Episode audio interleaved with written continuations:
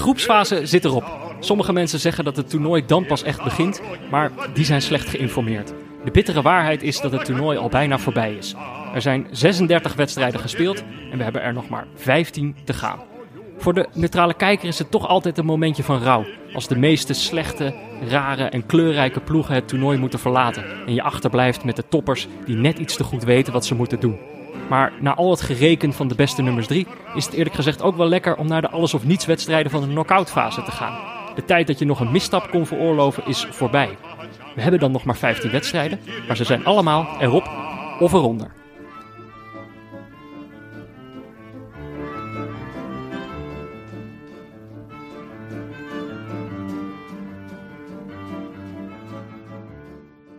Ja, Jordi. Ja, Peter. De eerste rustdag, had je hem nodig? Nee, absoluut niet. Nou, het zelfs een beetje vervelend. Nou ja, nee, dan bof je, want we gaan namelijk helemaal niet rusten. Eh, we gaan vandaag terugblikken op de groepsfase en vooruitblikken op de aanstaande knock-out fase. Ja, daar hebben we één inhoudelijk persoon voor uitgenodigd en eentje... Eentje voor de gezelligheid. Ja, Dus eh, Pieter is voor de gezelligheid. Pieter Zwart. Leuk. Ja, Fijn dat je er bent. ik kom wat sfeer brengen. Eh, en eh, wie hier verder nog zit, is de jongen die we normaal alleen spreken via de telefoon. En nu in real life. Belt goed was op. Belt er goed was op. Ja, we hebben een hologram. nou, een hologram van eh, Ed de Blanke Bogarde. Eh, eh, welkom jongens. Zijn jullie er klaar voor om vandaag eh, ons eigenlijk een beetje van inhoud te voorzien? Ik kijk er al eh, een week naar uit. Ja. Ja. ik ben benieuwd. Ja, je zit toch te luisteren en je denkt, eh, het mag allemaal wel wat inhoudelijker, toch? Precies. nou, Niet op primetime. dan, dan, dan boffen jullie. Eh, nee, niet op primetime. Dat kan niet, hè? Dat Nee, heb nee, ik nee. ergens gelezen in de krant. Het is heel interessant, maar niet op primetime. Het, is, het is niet voor niks dat wij eh, in de nacht online komen als soort, eh, als soort dief in de nacht. Je kan het dat veel noemen, maar het is geen primetime. Dat je kan het wel op primetime aanzetten. Dat zou ik wel Als je vinden. zou willen. Als je zou willen. En wij kunnen dat terugzien in de statistieken. Dus als iemand het op primetime luistert, moeten we diegene even laten weten van dat het eigenlijk niet kan. Eigenlijk niet hoort. Dit is niet eh, geschikt voor primetime. Ehm, ik wil wel eventjes van tevoren al tegen jullie zeggen dat eh, deze show neutrale kijkers heet. Mhm. Dus als jullie op een gegeven moment de neiging voelen om iets niet neutraals over het Nederlands elftal te zetten, die ook nog in de knock-out fase eh, zitten, dan eh, moeten we jullie toch eventjes tegenhouden. Dat moeten jullie dan bewaren voor de, onze spin-off show niet neutrale kijkers. Daarin gaan we het hebben over de kansen voor het Nederlands elftal. Of in ieder geval onze niet-neutrale visie op de kansen van het Nederlands elftal. En f- Tot die tijd moeten we het een beetje neutraal houden. Moeten we dan nog een keer terugkomen? Oké. Ja, Ja. ja dan Pieter deed dat van de week al heel goed natuurlijk met zijn 1 minuut diepteanalyse waarin hij de positieve, of tenminste voetbalinhoudelijk go- goede dingen belichtte. En toch wel een klein beetje liet doorschemeren dat er ook nog wel wat kritiek was. Eventueel. Dus eh, zo moeten jullie dat gaan doen. Oké. Gewoon eh, de uitgezoomde blik over Nederland zelf. Ehm, nou, dan kunnen we zo meteen eh, naar het toernooi gaan. Maar wij moeten natuurlijk eerst, ja, sorry jongens. wij moeten dan eerst altijd wat foutjes eh, eh, rechtzetten. We hebben dan eerst altijd de rectificaties.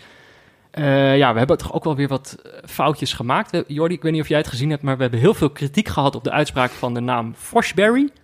Ja, Dan moet ja. ik eh, heel veel mensen teleurstellen, want zo heet hij nou eenmaal. Daar kunnen wij niks aan doen. Zo heet hij en zo spreek je die naam uit. Daar kunnen wij niks aan doen. ja, dat, docu dat documentje klopte dus weer voor geen kant. Nee, hij klopte wel. Die jongen heet vanaf nu Forsberry. Oké. Daar kunnen we niks aan veranderen. Gaat dit over Forsberg? Eh Forsberry bedoel jij, denk ik. Ja. Want Eh, veel mensen die de taal beheersen, die zeggen dat het net iets anders klinkt. Maar die hebben het ongelijk. Eh, dat wil ik niet zeggen, zo heet hij gewoon. Oké. Ik weet niet of zij gelijk of ongelijk hebben, daar gaat het niet om. Nee, oké. Forsberry Nee, heet Forsberry. mogen duidelijk zijn. En dan de volgende rectificatie was meer, denk ik, dat eh, de, de, de, de- hoe noem je dat ook alweer? De wens was de vader van de gedachte of zo. Mhm. Ik, eh, ik gaf aan dat eh, de verdediger of eh, de verdedigende middenvelder van Slowakije eh, Busquets in twee trapte, maar dat bleek koken te zijn. Ja, die krijgen Daar- we heel vaak binnen. Ja, daar merkte ik wel gewoon dat. Ik heb het gezien, geregistreerd en alsnog hoopte ik gewoon dat het Busquets was. Maar ja, aan de andere kant zou je zeggen, als dat echt het sentiment was geweest, dan had ik wel voor Alba gekozen. Dus ik, ik weet toch niet helemaal waar dit fout is gegaan. Maar voor de goede orde, het was Koken die ja, toch wel geluk heeft dat zijn onderbeen niet gebroken is. Eh, en over het verwisselen van namen gesproken. Eh, jij hebt gisteren de keeper Dubravka, noemde jij per ongeluk Dubrovnik. Ja. Toen zei ik, dat is volgens mij een Kroatische stad. En toen zei ik ook, hebben ze daar niet Game of Thrones opgenomen? En toen kregen we een berichtje van eh Jelmer de Boer vanochtend. Hij zei, daar hebben ze wel Game of Thrones opgenomen. Dus dat is ook even rechtgezet. Ik vroeg me dat af en hij bevestigt het. Lennart van Onselen stuurde nog een berichtje. Over Ja, deze iets wat ik, ik- maar hardop afvroeg. Deze heb ik op veel manieren gekregen. Ook, Ja, maar eh, ook via de social media wegen, DM'tjes en dat soort dingen. Er waren Ja. toch veel mensen die dit wel wisten. Ik had er nog nooit van gehoord. Eh, nou, dit was inderdaad precies het woord waar ik naar zocht. Ik vroeg me gisteren af, hardop af, eventjes voor jullie. Ehm Jordi en ik doen een oude mediatour. En dus we proberen een beetje zoveel mogelijk terecht te komen in de oude media. Maar we dachten, we moeten misschien ook naar de nog oudere media. En dan wilde ik graag zo'n man op een paard hebben met een toeter. Die dan zo een dorp binnenrijdt en dan zo op die toeter blaast. En dan komt het... eh, de, de- Postillon. het dorp die komt dan zo eh, eh, naar het Ga de dorpsplein fout in? Is hem niet. komt dan zo naar het dorpsplein en dan rolt die man zo het perkament uit en dan gaat hij de transcriptie van onze podcast voorlezen. Dat was het idee. Eh, maar zo'n man noem je dus een heraut. Dat was in ieder geval het woord waar ik naar zocht. Ik dacht troubadour ook. Dat is als hij muziek gaat maken. Oh. Als hij Tachanka gaat zingen, dan moet misschien wel een troubadour. Troubadour ernaast. Ja, ja, ja. Ik, er was eh, nog een luisteraar die opperde van eh, het ultieme eh, oude media afscheid zou wel zijn als we de laatste aflevering op vinyl uitbrengen. Toen, het eerste, maar dat is ook gewoon hoe diep het bij mijzelf zit. Het eerste wat ik ging opzoeken is hoe lang, hoe, hoe- hoe- hoeveel lengte zit er op een vinylplaat, zeg maar. En dat was ongeveer 22 minuten per kant. Nou ja, ja, dat halen wij niet. dat wordt wel een boxset in plaats van één LP. En dan wordt het misschien een beetje duur. Cassettebandje zou misschien ook Cassettebandjes, volgens mij 90 minuten max aan één kant. Dan komt een eind. Misschien dat we wel een cassette... Nee, nee. Nou halen we ons allemaal dingen op de hals die we helemaal niet kunnen waarmaken. Eh, Maak jij cassettebandjes of druk jij vinyl? Neem contact op. Eh, ik kreeg nog, ook nog als laatste een berichtje van eh Tammo via Instagram. Ik heb gisteren gezegd dat Benzema nog nooit heeft gescoord op een eindtoernooi en dat klopt niet. Nee. Hij ja, heeft ooit gescoord op Dat- een WK. Ja, maar dat, Ja. dat heb ik al drie afleveringen gezegd. Sinds dat hij, zeg maar, werd Ja. verbannen, heeft hij niet meer gescoord. Dat is logisch. Maar hij heeft inderdaad wel een keer gescoord op een eindtoernooi. Mhm. Maar nu heeft Maar dat dus- eerste gedeelte daarvan is niet echt een feitje, toch? Sinds hij verbannen is, heeft hij niet gescoord. Nee, dat klopt. maar dat is wel een feit. Ja, nee, het is, ja, het is wel gewoon waarheid, maar dat, is, ja, dat zou niet bijgehouden moeten worden. Ik heb wel gemerkt bij jullie luisteraars, als je je, zeg maar enigszins probeert te verdiepen in de feiten en het feit is misschien niet helemaal correct, dan word je meteen Afgemaakt. Ja, afge- Ja. Je kan beter gewoon complete onzin uitkramen Ja. dan dat je. Ja, dat is mijn tactiek eigenlijk. Dat is mijn tactiek. Precies. Ik vind dat eh, redelijk eh unforgiving van jullie luisteraars. Is Ja. dat nog een beetje een soort van de erfenis van Catenaccio? Wij, wij deden dit vroeger, al die eh, gasten even Factchecken. factchecken. Ja, ik denk dat jullie een In hele... het Catenaccio-tijdperk waren Jordi en ik al lang gestopt. ja, Ja, maar het is, het is, het is wel gewoon een, een, een moment om het aan te geven dat in, in die drie jaar tijd is Pieter nog nooit gerectificeerd. Dat is Maar waar. nu wordt het wel link, omdat nu zit je natuurlijk niet Ja. verscholen in je voorbereide minuut. Dus nu, nu zou, dit, dit zou een kans moeten zijn voor de luisteraars. Dus wees alert. Volgens mij zat ik er ook in de langste aflevering ooit in een wedstrijd over Chili. Ja. Ben ik foutloos doorheen gebluft. Ja, maar een wedstrijd over Chili is dan wel gewoon wel een goed moment om in te stappen. Want die heeft niemand gezien. Die moest ik zelfs volgens mij op Wisecout terugkijken.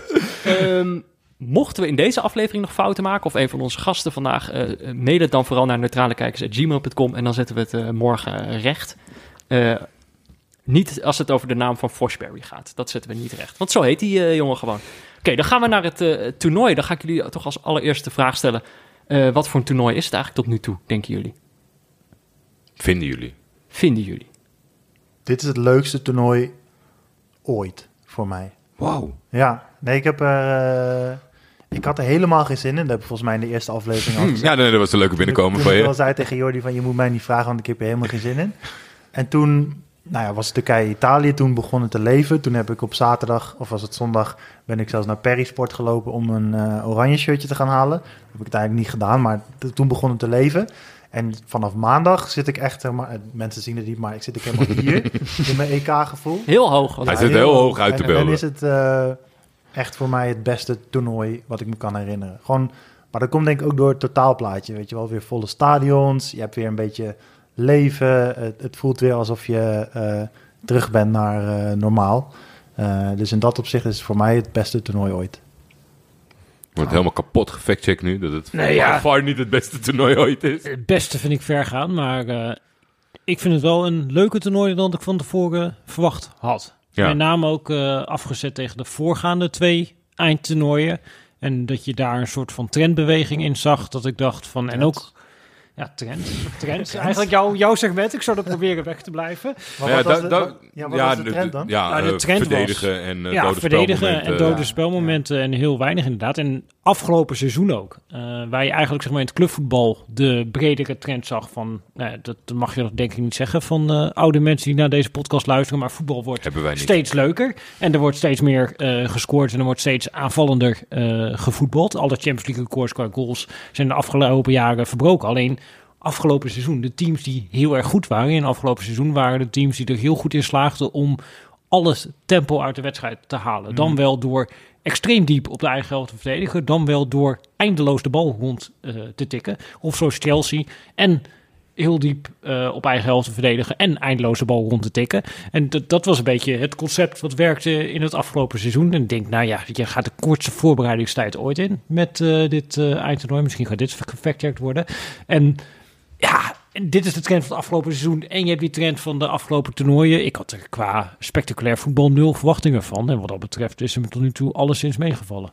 Ja, Wa- ja. Waar, waar, waar, waar zou je op zoek gaan naar hoe dat tot stand is gekomen? Want op zich, het deelnemersveld is niet wat dat betreft heel erg veranderd. Een paar opmerkelijke ploegen, of tenminste debutanten zijn er maar twee. Dat het, dat het toch ineens, want ja, ik, ik had er best wel heel veel zin in. Maar dat heeft ook te maken met dat je natuurlijk dat je een maand lang een podcast gaat maken erover en dat dat gewoon leuk is. Maar ja, als je dan zo'n artikel aan het begin van het toernooi leest, dan denk je wel, ja, dit zijn de keiharde feiten. En Ehm, dan kan je beter maar op een Afrika Cup zitten waarin toch of niemand kijkt of niemand er wat van weet. Als je er wat over moet vertellen. Ja. Want op het moment dat je zeg maar aan 2016 of zo gaat denken.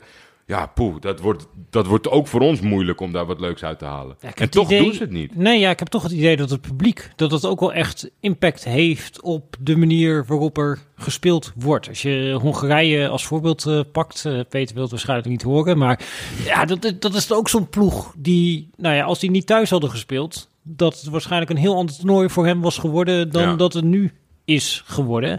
En ja, hetzelfde eigenlijk bij het Nederlands elftal. Ja, je merkt inderdaad in zo'n openingsfase tegen Oekraïne, ja, dat, er gebeurt wat, het publiek gaat erachter staan en je krijgt echt een voetbalwedstrijd. En als er zo'n, ja, dat hebben we natuurlijk afgelopen jaar gezien, als je zo'n openingsfase hebt en er is geen publiek, dan ja, stabiliseert het op een gegeven moment. En nu Ja, dan- vliegen die wedstrijden, die gaan door. Ja, dus eigenlijk krijgen de, de wedstrijden een soort van onverwachte wending of een andere wending. Doordat ze niet meer in een uppie in een lege betonbak eh, staan te voetballen. Ja, en je gaat dan ook, denk ik, daardoor op een gegeven moment toch naar voren. Tenminste, als je afgelopen seizoen pakt zonder publiek, dat je gewoon zag dat iedere ploeg minder was gaan pressen. En dat de ploegen die nog wel druk probeerden te zetten, dat die eigenlijk totaal geen succes meer hadden. En ja, hier dit toernooi zie je toch weer dat dat soort initiatief, dat het begint te lonen. En ik Maar- denk Ja. dat het toch de impact is ook van het publiek. Waar zagen we dat nou? Volgens mij bij Schotland zag je dat heel duidelijk. Die waren misschien er een beetje bij gebaat om niet de hele tijd naar voren te gaan rennen als ze de bal hadden. Maar die werden echt naar voren geschreeuwd. Ja. Eh, daar viel me dat inderdaad echt op. En ik heb natuurlijk, eh, niet als oranje supporter, maar puur als neutrale kijker, heb ik in het stadion gezeten bij de eerste wedstrijd van eh, het Nederlands elftal. En daar had ik eigenlijk, toen ik dat stadion binnenliep en gewoon het geluid hoorde van, eh, wat was het, 16.000 mensen. Ik dacht, ja, dit kan gewoon niet anders dan zo'n boost geven aan, eh, aan die spelers. Het is misschien inderdaad, publiek had al, was altijd al een factor in het spel. We hebben afgelopen jaar gemerkt wat er gebeurt als je dat weghaalt. Maar die factor is misschien wel groter geworden... doordat hij dus na een jaar er niet te zijn... opeens weer terug is. Is Nou ja, jij zit een beetje in de hoek. Te, volgens mij, eh, voordat we met een pandemie te maken kregen ooit, dat je de invloed van het, van het publiek niet per se als, als factor zag om een goede resultaten te houden. Bijvoorbeeld. Zeg maar de, de, de, hek- de klassieke heksenketel, dat dat eigenlijk een soort van niet meer bestaand is. Ja, je, je weet dat er een bepaalde statistische impact is van het thuisvoordeel. Dus in die zin, je weet dat die impact van het publiek bestaat. Eh, en tegelijkertijd is daar natuurlijk ook een soort van ja, romantisch beeld ja. omheen... wat dan weer niet altijd eh, helemaal eh, goed staaft eh, met wat de feiten daarbij zijn. Nee, als Galatasaray elk jaar de Champions League. Als dat echt eh, impact zou Is hebben, dat, dan... is dat voordeel er nog steeds? Want ze hebben nou toch die goals, eh uitgoals afgeschaft. Ja, Heeft dat niet ook ermee te maken? Ik bedoel, daar zullen ze heus al onderzoek naar hebben gedaan. dat het Is- uitgevlakt is. Ja, Ja, maar is dat volgens mij is het... het Is werd het al uitgevlakt, ja. Ja. En, Ja. en ze hebben, eh, volgens mij, ze hebben zelf een reden aangegeven. Maar ik denk ook gewoon dat het gevoel was dat, volgens mij is het ooit in het leven geroepen om thuisploegen eh, te enthousiasmeren om aan te vallen. Klopt. Maar kreeg je juist dat thuisploegen dachten van, ho ho, hi- vandaag geen tegengoal en dan zien we het daar wel. Dus het effect draaide helemaal om. Dat klopt. En het werd inderdaad ingevoerd, volgens mij 92 ook. Misschien wordt hier dan op eh, kapot gefactcheckt. Samen met... eh, Pieter kan helemaal niet meer lekker praten. Nee, God, nee ja, samen met die ook- regels, zeg maar, wat een van de beste spelregelwijzigingen ooit is. Met het eh, afschaffen van de terugspeelbal eh, op de keeper. Om het voetbal aanvallender te maken. Als je ziet wat de effecten zijn geweest van die regelwijzigingen. Die mensen die dat destijds gedaan hebben, die hebben eigenlijk eh, het voetbal gelukkig Heb jij, gered. heb jij dat wel eens gewoon bewust teruggezien, zeg maar, in deze tijd? Dat je, dat je iemand zo naar zijn keeper ziet Dat pasen, EK die pakt de bal 92, dat En is dan zo rolt erg. hij hem weer uit en dan past hij hem weer terug. nu ga ik ook mensen boos maken. Maar ik heb het eigenlijk al, als je, dat, als je het totaalvoetbal gaat terugkijken... Dan, dan krijgen die gasten, Peter. die gasten krijgen, nee, maar die krijgen helemaal geen druk. Ik neem afstand van wat, eh, Ik ook. wat er nu uitkomt. wil ik niet mee Dit zeg ik als neutrale kijker, zeg ik. eh, Dat viel volgens mij wel mee. Ja, en statistisch gezien, ja, dat klopt ook gewoon. Zeg maar. Als je gaat kijken naar het tempo en dergelijke, hoeveel passes er werden gegeven per wedstrijd, et cetera, et cetera, dan ja, is dat gewoon ja, veel lager en de ruimtes waren veel groter. Dus ja, als je dan inderdaad dat soort voorbeelden nog blijft aanhalen om je punt te onderstrepen dat het voetbal nu allemaal minder is, dan, Ja. ja. dan moet je wel flink blind zijn om dat eh, te vinden. No offense Willem van Hanegem. Ja, maar eigenlijk, het is jammer dat jij het zegt. eh, Eigenlijk zou je dan tot de conclusie komen dat de Roon beter is dan Van Hanegem. Ja, dit, dit Wacht. probeer je even mij in de mond Wacht, te leggen. ik moet nu een streep. Dit is clickbait. We gaan nu... Dit wordt de titel. Dit jij- wordt de titel. Is de Roon beter dan Van Hanegem? We gaan nu, eh, ik dacht eigenlijk, kijk, als je, als je de, de vraag stelt wat, toen, wat voor een toernooi is het tot nu toe, dan denk ik het is een toernooi van afstandsschoten. Er zijn buitengewoon veel afstandsschoten binnengeknald. Hmm. Het is een toernooi van eigen doelpunten. Er zijn buitengewoon veel eigen doelpunten gemaakt. Het is een toernooi van gemiste penalties. Er zijn heel veel penalties misgeschoten tot nu toe. En, dit is natuurlijk iets minder te checken, maar dat is meer een soort gevoel dat Jordi en ik eh, hadden, vooral bij Pool F. Ook een toernooi van wisselvalligheid. Dat we van Duitsland hebben we heel duidelijk twee gezichten gezien. Eh, van Portugal eigenlijk ook. Van Frankrijk Die is het misschien meest in minder neutraal, denk ik. Ja, Duitsland is heel labiel. Ja, echt. Die zijn gewoon... eh, daar kan je geen pijl op trekken. Ja, maar dat, dat zal zo meteen ook denk ik wel terugkomen in... Zij hebben natuurlijk geloot tegen Engeland, maar het is gigantisch lastig voor Engeland om in te schatten welk Duitsland komen zij zo meteen tegen. Je hebt er eentje gezien waarvan je denkt, poeh, dat wordt heel moeilijk. En je Ja. hebt er twee gezien waarvan je denkt, nou, dat moet toch te pakken zijn. ja, maar dit is dus inderdaad de, de, de knock-out fase waar we het zo over gaan hebben. Ik denk dat die wisselvalligheid voor de neutrale kijker heel leuk is. Want op een gegeven moment weet je gewoon niet meer wat je kan verwachten van dit soort eh Daarom heb ik ook alles verkeerd voorspeld. Het, is gewoon, het is niet te voorspellen. Dit is voor niemand... eh, Maar dat is gek, want ergens, ergens ging jij het zoeken in alle favorieten winnen.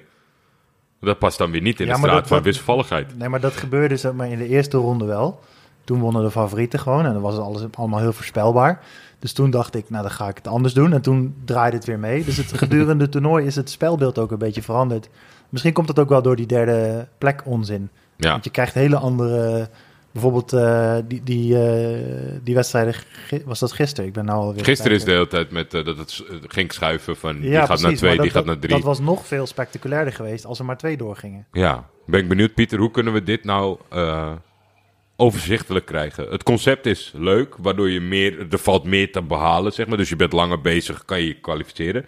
Alleen, het is eigenlijk op de bank, tenzij je Michel Abbeck bent, niet meer te doen om, om te weten wat de actuele stand is. De- het voorbeeld was volgens mij met Finland. Finland had op een gegeven moment, wij zaten op de bank, was het min 4, maar stond wel derde. En iemand met het even aantal punten met min 1, die stond vierde. En gisteren ook, ja, was toch steeds, steeds wachten tot de commentator bevestigde van... Oh, op dit moment ligt die eruit en op dit moment ligt die andere eruit. Ergens vind ik het een irritante factor, maar het idee dat je tot het laatste moment kans maakt om door te gaan, werkt wel. Ja. En Nog nu moet ik uitbreiden. eh, Even de nu even Pieter. meteen de oplossing eh pan klaar. Ja, ik eh, hoorde al dat je de Nou, deelnemersveld naar 32 moet opkrikken. Maar Nou ja. Ja, maar dan is het niet meer te doen. Want dan is, kan, kunnen we de kwal- kwalificatie bijna wel in de, in de prullenbak gooien. Nou ja, ik heb wel dit toernooi zitten denken van het is toch heel wonderlijk dat wij als Nederlands elftal erin zijn geslaagd om het vorige EK te missen als Ja. er zoveel landen meedoen. Ja. Ja, nee, want er zijn een heleboel eh, uitwegen in de kwalificatiereeks om er alsnog bij te zijn. Dus ja, maar ja, nog opschalen. Terug kan je bijna niet meer. Terug zullen ze nooit gaan, denk ik, naar minder deelnemers.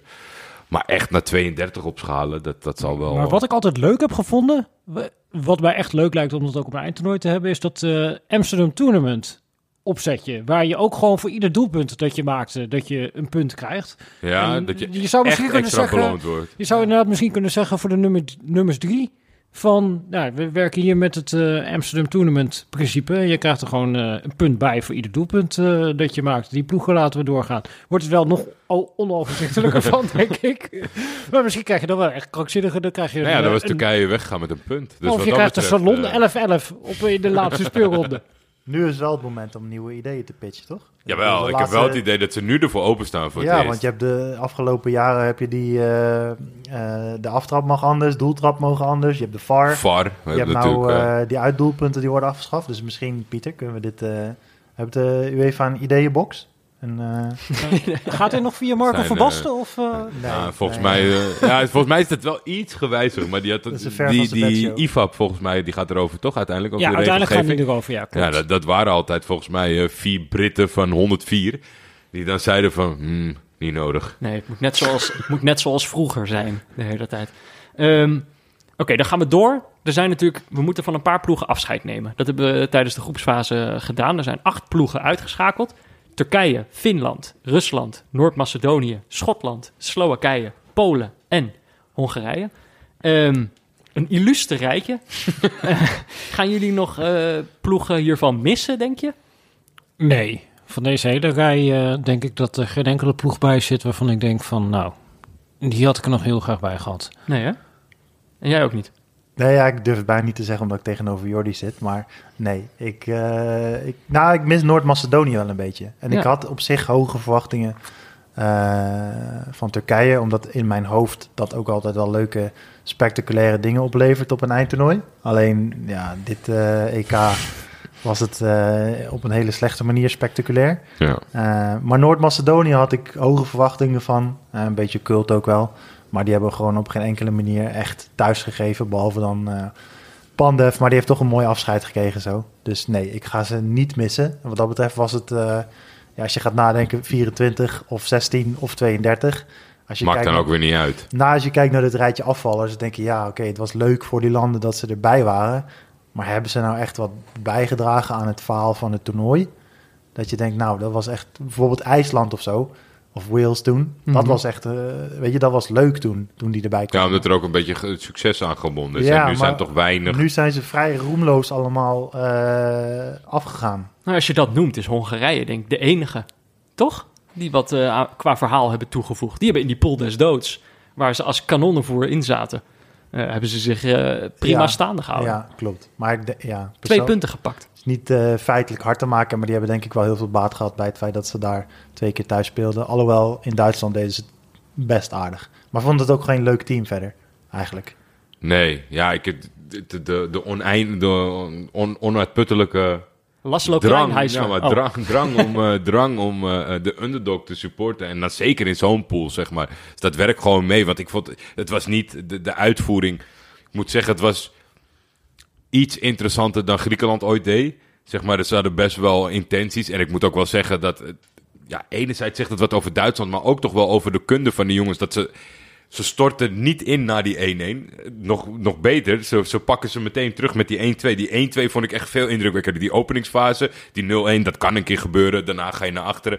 Maar dan krijg je eindelijk het, dat, dat je de, de, de, ja, de gigantische favoriet terugkomt in de wedstrijd, wat normaal het eindpunt is.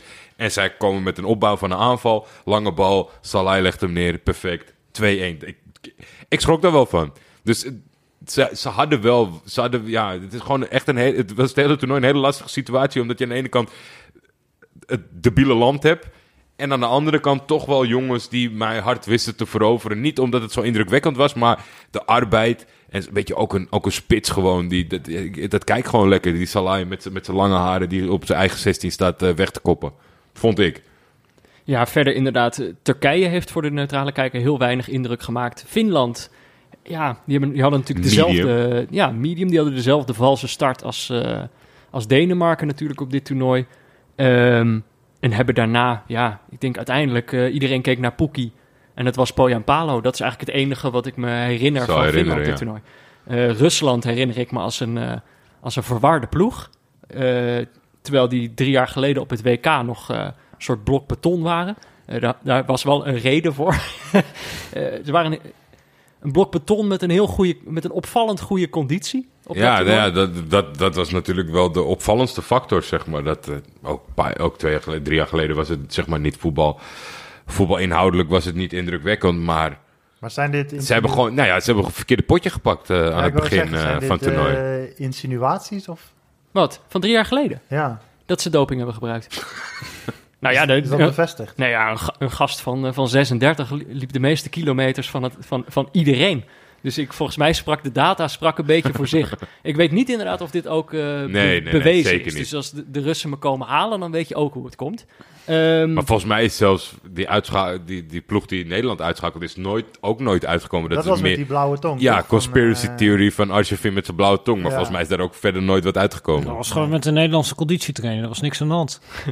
ehm, Noord- mooiste compliment nou ja. wat Raymond Vaaien ooit gekregen heeft. Guus Hiddink heeft natuurlijk wel op zijn cv een aantal discutabele toernooien staan. Dus ik zou er niet gek van opkijken. Ik was te jong in 2002, maar als je die samenvattingen terugkijkt Maar kijk, ik denk van, dat, van Zuid-Korea, dat- daar- daar is wel het een en ander misgegaan in de arbitrage. maar het is Hoe toch ook gewoon... met die spits oh. gaan? Oh, sorry. Ik moest ineens denken. Ja, die, die eh, spits met die lange Jung haren. Wan aan. Ja, aan. hoe zou het met die mocht toen niet terug in Italië komen. Ja, het is, het is gewoon bizar, omdat...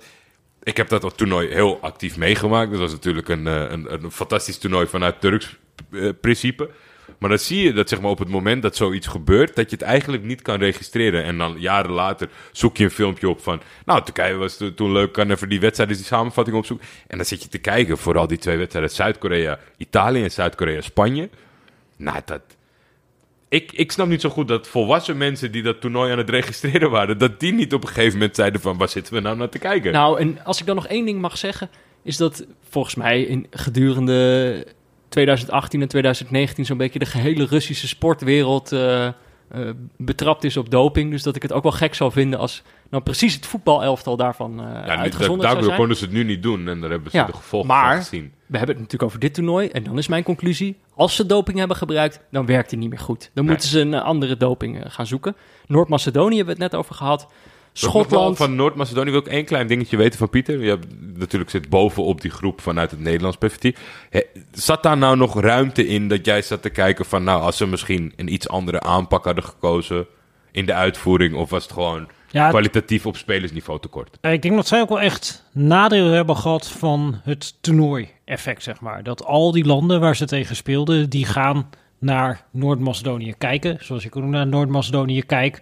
En die zien dat Noord-Macedonië een elftal heeft wat extreem speelt naar de mogelijkheden dan wel beperkingen die het heeft. En bijvoorbeeld een hele goede linksback heeft met Alioski voor dat niveau. En een hele slechte rechtsback heeft voor dat niveau. Ja. En in die eerste wedstrijd zag je al dat 80% van de aanvallen van Noord-Macedonië ging over die linkerkant. Die had volgens mij letterlijk had hij bijna zeven keer zoveel balcontacten als de rechtsback. En Ja. toen speelden ze de tweede wedstrijd. En die, ja, die mensen hebben die beelden ook gekeken. Die hebben gezegd, nou, we zetten het even zo neer, die organisatie, dat alle ballen naar die rechtsback gaan. Ja, en toen hadden ze Ja, dus probleem. in de, in de, je kan in de moderne voetbal eigenlijk zeg maar niet meer een tegenstander verrassen. Want zij gaan kijken van wie is onze tegenstander en zien dan alle zwakke plekken al. En die zwakke plekken waren te groot. Ja, precies. Hetzelfde zeg maar eh, Europa League finale Ajax eh, met Davin van Sanchez. Ja, Ja. Het, het, wo- het wordt gewoon bekeken. en het is niet dat hij heel slecht is aan de bal, maar net niet helemaal top. En Ja, dan dus denken ze inderdaad van, Dat gaan we geef hem maar de bal Ja. en dan eh, hebben we een zwakke plek. En ja, dat heeft hen denk ik wel echt opgebroken eh, in dit toernooi. Nou, plus dat je ook... Kijk, in, eh, bij landen als Nederland gaat het eh, dan al heel gauw over van wat is je plan B? Terwijl ja, als je Noord-Macedonië bent en je plan A werkt al prima, dan, dan ben je al een heel eind. Zeg maar. Dus het is ook een heel andere situatie waar ze in zitten. Zonder internet hadden ze de finale misschien wel gehad. Ja, precies. Ja, nee, maar dat is natuurlijk wel. Want dan weet je niet wat je te wachten staat. En Ja. dan kan Pandev ineens als een duveltje uit een doosje toch... eh, ah, dat, ik, dat, dat zou ik wel echt, echt... Daar baal ik van als ik terugkijk op dit toernooi... dat die stift in, dat die werd afgekeurd, hè? Die stift, die, stift Ja. die gun je gewoon, die man. Ja. Bedenk me trouwens wel, er zijn veel teams met vijf verdedigers. Want dit werd natuurlijk een beetje het toernooi van de vijf verdedigers eh, aangekondigd. Die zijn er veel met die zo gespeeld hebben, die zijn naar huis. Eh, Schotland, deed hij dat ook? Schotland deed dat ook, ja. O'Shaughnessy hadden zij achterin. Die zal ik me herinneren. Verder... Die zat bij Finland. O'Shaughnessy was jouw Oh, opvallende man bij Finland, juist door die naam. en Maar die speelde dan ook met drie man achterin. Die speelde ook inderdaad met drie man eh, Ah, ja, achterin. Ja. En Noord-Macedonië is zo natuurlijk begonnen aan het toernooi. Laatste wedstrijd tegen Nederland speelden ze niet zo. In de tweede helft tegen Oostenrijk ook niet. Maar die zijn inderdaad ook zo begonnen. ja. Eh Rusland heeft een soort van mix daarvan gedaan, maar dat was ook wel soort van met... Die wisten dat zelf niet. Misschien Die- dat de trainer wel wist dat ze zo speelden, maar die spelers in het veld hadden geen idee. Nee, ja, precies. Eh, even kijken, wie waren er nou nog meer allemaal in huis? Slowakije, Polen en Hongarije had ik nog niet genoemd. Ja, Hongarije ook met vijf natuurlijk. Ja, Dus eh, ja, Polen vond ik irritant. zo. Dat die zeg maar, Waarom? het hele toernooi een beetje, ja, dat je ze met een stok wilde prikken van doe eens iets. En toen tegen Zweden in het laatste, wat was het, half uur, ja. Ging er een tempo en, en Lewandowski ging bal ophalen en voorslingeren. Die wilde zeg maar voorzetten geven en ze zelf gaan inkoppen. Waarom, waarom begon hij daar pas op het laatst mee? Ja. Gewoon Maar dat is, ik, ik, ik weet niet of jij... Wat mijn gevoel is elke keer als je naar zo'n selectie kijkt van Polen... dat je denkt, niet verkeerd... Maar het komt er gewoon totaal niet uit. Met natuurlijk, de- de, de focus ligt dan altijd op Lewandowski... omdat hij eh, de wonderbaarlijke doelpuntenmachine is. Maar dat geldt toch over de breedte. Ja, op een paar posities is het wat minder. Ja, Maar er zit echt wel talent in die ploeg. Ja, het is denk ik ook een beetje het Alaba-probleem, zeg maar. Dat, dat je beste speler, die is goed in iets wat best wel lastig is voor een nationale ploeg. Waardoor hij allerlei dingen gaat doen waar hij dan misschien wat minder goed in is. Zeg maar ook, ja, Alaba, die, die, zie denk ik alle, die is goed bij Bayern München, omdat hij bepaalde dingen daar doet. En dan bij Oostenrijk worden hele andere dingen van hem Ja, gevraagd. En hetzelfde met Lewandowski. Ja, die is goed in de 16. En bij Polen, ja, hij gaat toch- toch op een gegeven moment aanvallen voorbereiden, voorzetten geven. Op een gegeven moment stond hij op de middenlijn gewoon eh, het spel te verdelen. Ja, steeds, steeds verder zie je hem Ja. zich laten uitzakken. dat van ik is- ben de leider, ik moet die ballen gaan Ja, maar die vragen. echt zich ook gewoon Dat is volgens mij ook gewoon menselijk. Als jij veel beter bent, Ja. dat je denkt van nou, dan, ga ik, dan doe ik dat ook wel. En dan doe ik dat ook wel. Alleen ja, het is dan toch wel aan de coach, denk ik, om te zeggen van focus je op wat goed is. En nou ja, dan, dan zetten we misschien maar een extra middenvelder erin, zodat toch voorzetten gegeven kunnen worden of iets dergelijks. Ja, het is eigenlijk niet raar, ja. Want je zou denken van, oké, dit is mijn beste speler... en ik ga ervoor zorgen dat mijn beste speler op de best mogelijke manier kan spelen. En vaak gebeurt het andersom van, oh, we laten hem maar alles doen... en Ja. dan we er een soort van elftal omheen. Terwijl dat waarschijnlijk de methode is waarmee je het dan uiteindelijk niet voor elkaar gaat Nou, krijgen. een kleine shout-out dan naar Leo Beenhakker die Dwight York op, op 6 zette. En daarmee toch een soort van voetbal kreeg in die ploeg. Want ja, zonder hem als tussenstation was het echt niet gelukt om de 16 uit te komen. Dus heel af en toe werkt het, maar liever niet doen. Maar dat is toch Ehm, gruwelijk irritant ook als je zeg maar de beste speler bent in jouw team. En de rest van je team, ja, niet dat ik uit ervaring spreek, maar dat... rest ik dacht, je gaat nu weer over Call of Duty beginnen, maar dat Nee, nee, geldt nee, nee, nee, dat laat ik er buiten, Jordi. Nee, maar dat je de beste bent en, en dat de rest gewoon niet helemaal mee kan komen. Dat lijkt me heel irritant. is Nou, het lijkt me moeilijk. vooral irritant als je of een verdediger of een spits of een keeper bent. Ja, Als middenvelder kan je dat dan volgens mij nog iets beter verdragen. Want dan hoef je niet in te zakken, dan sta je daar al. ja. Maar dat is inderdaad, het is gewoon irritant bij Polen. Dat dan je beste speler een spits is. En bij Slowakije, ander uitgeschakeld land, is je beste speler is Skriniar. Heb je helemaal niks aan aanvallend. Nee, nee, die- Nee. Maar ja.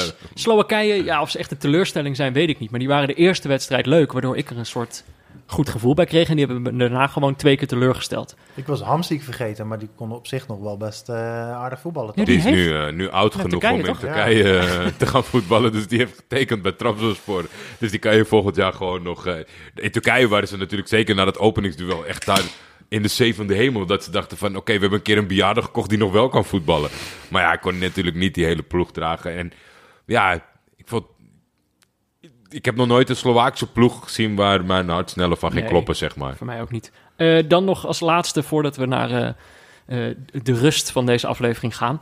Ehm, hebben jullie het, missen jullie nog iets aan dit toernooi? Jij zegt het is het mooiste toernooi van mijn leven. Ik Maar ontbreekt wel, er dan nog wat? Eh, ja, gewoon een keer echt, zeg maar, sensatie en een vechtpartij. Ja. Nou, niet, niet per se een vechtpartij, maar echt opstootjes. En ik denk dat dat ook wel een beetje eh, kapot is gemaakt door de VAR.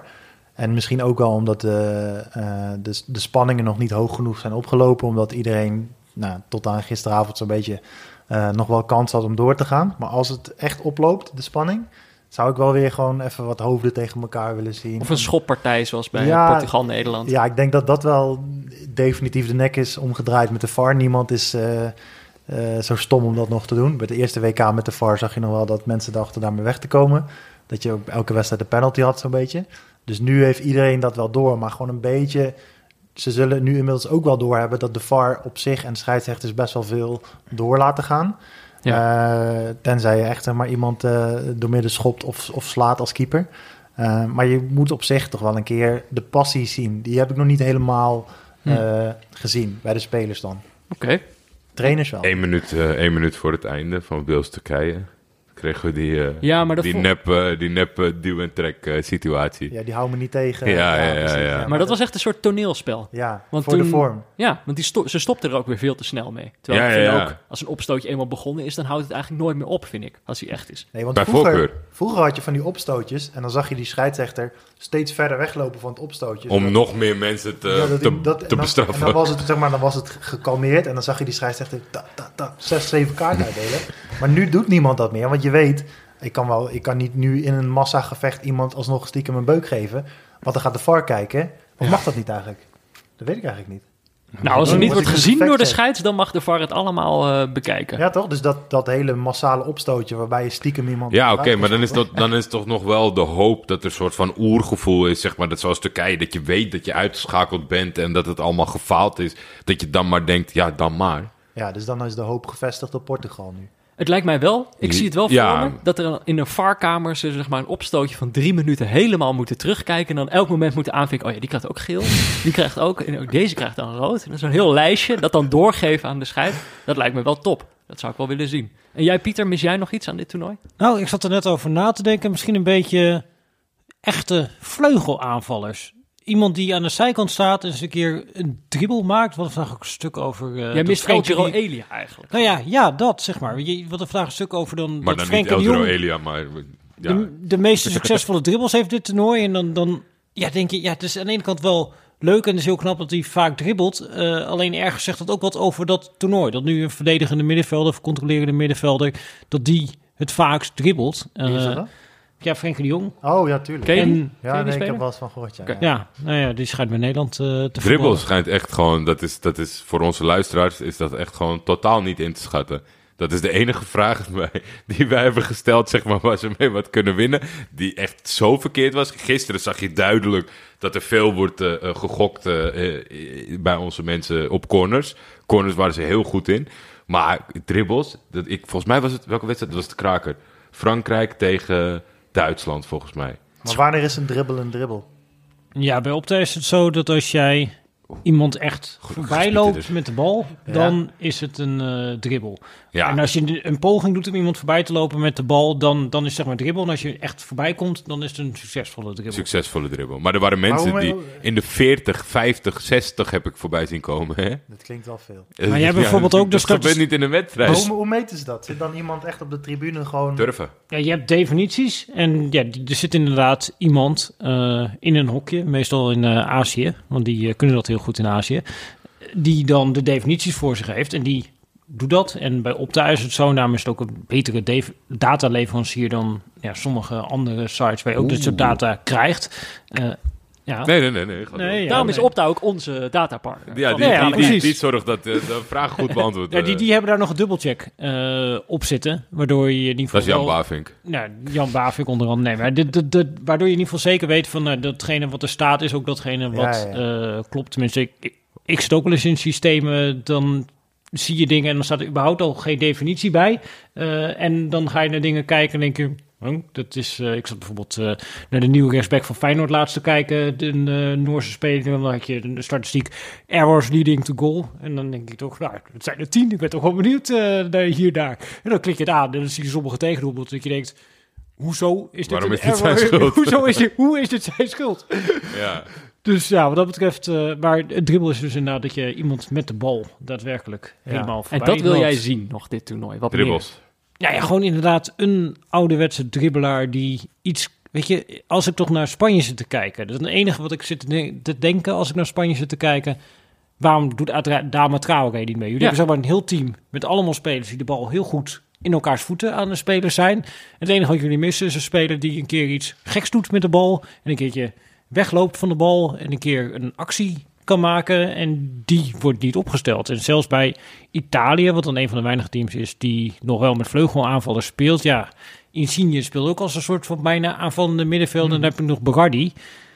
Maar ja, als dat dan de vleugelaanvaller is... en ik zat nog denken, Mbappé zou je er nog bij kunnen noemen... maar is ook natuurlijk meer een verkapte spits. En verder is er gewoon niet heel veel. Dan is het Tolisso, kom je snel bij uit, Ja. bij de buitenspelers. Maar, Ja. maar trucjes gaan we dus echt nooit meer zien. Als we nu zeg maar een soort van in de fase beland zijn dat we hopen op dribbles, dan kan Nee, je... nee, nee, maar dit is echt respectloos. Want heb je gisteren Pogba gezien? Dat is niet een, dat is niet een trucje. En dan gaan van mensen als Ooyer zeggen... ja, maar dat is eh eh, rendement. Functioneel. Functioneel rendement. Dat is ook wel zo. Maar dat, dat- heb je hem gezien? Ja, Voordat hij die bal schoot, zeg maar... ja, ja, ja, ja, absoluut. Maar ja, ik ben toch wel iemand die is opgegroeid met het illegaal downloaden van trucjes van Ronaldinho bij Paris Saint-Germain. En dan, kijk, ik, ik wil best wel met je meegaan dat het lekker is dat hij nog dat gevoel heeft Ja. dat hij dat doet. Maar, ja, Neymar doet dit. En die een, wordt... een flip-flap 3000 zou toch wel, eh, ja, dat is toch wel... Alleen Neymar doet dit, weet je wel. Zeg maar, dat vind ik altijd een beetje opmerkelijk aan die mensen die dan... Er, zijn, er is vaak een groep mensen die dit soort dingen zegt. En van, ja, nee, dat zien we allemaal niet meer, dat soort voetbal. En dan, en wat vind je van Neymar? Ja, verschrikkelijk, aanstelling. Terwijl dit is zeg maar echt de enige voetballer die het veld oploopt. En die Ja. allerlei Ja, die dingen nog- doet waarvan je denkt durft. van... Maar ja, dan is het aan de andere kant van het verhaal, Pieter. Want ik voel me nu gewoon echt persoonlijk, eh, persoonlijk Dat aangevallen was ook de bedoeling. Ik denk, ja, ik ben ja, hier om met één iemand ruzie te maken over afstandsschoten, maar Maar kan we die tweede er ook nog wel bij. Je- er is altijd natuurlijk een klein beetje een weegschaal. En die weegschaal bij Neymar, die gaat te veel de verkeerde kant op. Omdat er een soort van voorbeelden zijn van spelers zijn er geweest die net zo kundig zijn als Neymar. Die al die vervelende kanten van hem niet hadden. En ik denk als dat een beetje scheef staat. Want in, natuurlijk, ik heb ook al die beelden gezien dat hij eh, op de plaatselijke eh Copacabana Cup alles achter zijn standbeen doet. Met een matige tegenstand, maar toch toen hij langzaam naar Europa. En dat zie je bij allemaal hoor. Dan, dan sluipt het er allemaal uit. Cristiano Ronaldo die was eerst bloedvervelend met 38 scharen in de corner. Totdat hij in Engeland natuurlijk tien keer van zijn sokken werd getrapt. En op een gegeven moment moet dat iets minder worden. En ja, bij hem is dan hetgene wat er voor in de plaats is gekomen. Is echt heel vervelend. Dus ik, ja, ik, ik, ik snap wat je zegt van je zou hem moeten waarderen omdat hij wel brengt wat je zoekt. Maar Mag het ik- is niet helemaal in balans. Is het grootste probleem met Neymar niet dat hij eh, een Braziliaan is en dus helemaal niet kan meedoen aan dit toernooi? Is dat eigenlijk het grootste probleem? Maar ik heb wel meer Brazilianen gezien dit toernooi. Ja, dat is waar. per se de, Marlos. de grootste hindernis. Ja. Marlos die mocht invallen bij Oekraïne en die heeft diezelfde wedstrijd is hij ook weer gewisseld. Wat zijn de roots van die Nego bij Hongarije? Weet ik eigenlijk niet. Dat lijkt me gewoon een, eh, een Hongaar eigenlijk. Nee joh. Nee? Nee, eh, er is er eentje, die, zij hebben één genaturaliseerde jongen in het team zitten. Die, die voetbalt ook nog niet zo lang voor ze. Volgens mij speelt hij met zeven, Nego. Maar ik, ik ga in de tussentijd... eh, eh, Gezien de recente berichten die ik be- binnenkrijg over Hongarije, betwijfel ik of zij mensen nou, naturaliseren. nou, ik hield me hard vast voor de jongen, omdat hij die cruciale fout maakte. eh, Wat in de tweede wedstrijd tot de tegen, tegendoelpunt, die hoge bal, die hij verkeerd eh, eh, interpreteerde. Nou ja, in, in combinatie met wat jij zegt, dacht ik, oh jezus, die zien we nooit meer terug. Ehm, jij gaat het even opzoeken. Zeker. Ik Dan pak eh, ga ik even naar een, eh, naar een woordje van de sponsor. En eh, nou, daarna gaan we het natuurlijk hebben over de Geboren knock-out fase. te Parijs, Frankrijk. Ik heb hem al. Kijk, geen Braziliaan. Nee. Dat scheelt dan wel weer. Eh, gaan we heel even naar een berichtje van onze sponsor en dan daarna door met de knock-out fase. De muziek en het hoor ik niet. Mijn oren. Moet ik even wachten? Zeker wel. Jawel, dan knip ik eruit. Ja, want ook deze aflevering van Neutrale Kijkers wordt natuurlijk mede mogelijk gemaakt door Auto.nl. Auto.nl heeft deze zomer het perfecte autorijnummer laten maken door Tim Knol. Eh, maar de Neutrale Kijker die zit natuurlijk vooral thuis op de bank voetbal te kijken.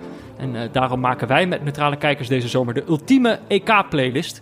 Normaal eigenlijk samen met onze luisteraars. Maar goed, er zitten nu twee eh, mensen bij ons aan tafel die zich nog niet hebben gemengd in de ultieme Neutrale Kijkers EK-playlist discussie. Eh, dus we Heel dachten, benieuwd. nu ze hier toch zitten. Jullie krijgen allebei de kans om er een liedje uit te halen en er een liedje in te zetten. Eh, jij zit al helemaal klaar, eh, de Blanke Bogarde. Dan mag jij het spits afbijten. Jullie krijgen een kans. Insinueert wel dat als jij het een kutnummer vindt, dat je zegt, ga Oh. niet door. Nee, eh, in dit segment is de, de luisteraar koning. Oké. De- elke Nou ja, ik, ga, ik ga real-time ga ik de, de playlist updaten. Maar mo- morgen komt er toch iemand die dan mijn nummer waarschijnlijk weer genadeloos hard duift. Nou, ja, of mijn nummer. Ja, nee. morgen komt er wel echt iemand die volgens mij alles wat gepasseerd is echt kapot gaat maken. Maar Is dat de Leo Blokhuis? Leo Blokhuis van voetbalmuziek. Oh, Ja. shit. Nee, mijn nummer is... eh, ik had hem vanmiddag al op Twitter gezet. Ik heb even de uitspraak van zijn naam geoefend. Oh jee. Veja Dream. Veja Dream. Ah, ja, ja, ja. Ja, ja. En die heeft een nummer gemaakt. Eh, volgens mij had hij het nummer, ik, daar ga ik vanuit, al gemaakt voordat Frankrijk eh, wereldkampioen werd in 2018. Eh, nou, Frankrijk is toen wereldkampioen geworden. Dat nummer is een enorme hit geworden. Volgens mij, ik zag het net even op YouTube, de officiële clip heeft 250 miljoen views. En daarnaast is er nog een video die eigenlijk veel beter is. Dat was van de huldiging van het Franse elftal. Als ik me niet vergis, was dat in Nations League potje tegen Nederland. Want ik begreep elke keer van Jeroen Elsof dat hij toen in het stadion was. Hebben ze een soort ererondje gemaakt door het stadion. Ja. Ehm, en dat is eigenlijk een van de beste eh, eh, huldigingsvideo's die ik ooit heb gezien. Want daar loopt dus de hele selectie een, een, een rondje met die artiest. eh, en iedereen eh, komt aan bod. Ze beginnen natuurlijk met de beste spelers. En ze De ene wat meer dan de ander. Ja, ook, het is ook moeilijk om een hele selectie in zo'n liedje van drie minuten te krijgen. Ja, precies. Maar het is een, een, een eerbetoon aan alle spelers. Je moet eigenlijk niet de tekst gaan vertalen, want dan komt het neer. Ik heb het even snel gedaan. De tekst over eh Dembele is, is hij nou links of is hij rechts? Dat maakt niet uit. Hij heet eh, Dembele. Dat is een beetje de, het niveau. Eh, maar zelfs als je geen Frans kunt, is het gewoon een, een, eh, ja, een heel makkelijk, lekker nummer. En het zet mij ook aan het denken van waarom moeten wij het in Nederland nog steeds na al die jaren doen met, met FIFA Hollandia en Mhm. Snollebolletjes. snollebolletjes en de leeuwendans is langzaamaan wel mijn hart aan het veroveren, maar is ook niet van het niveau.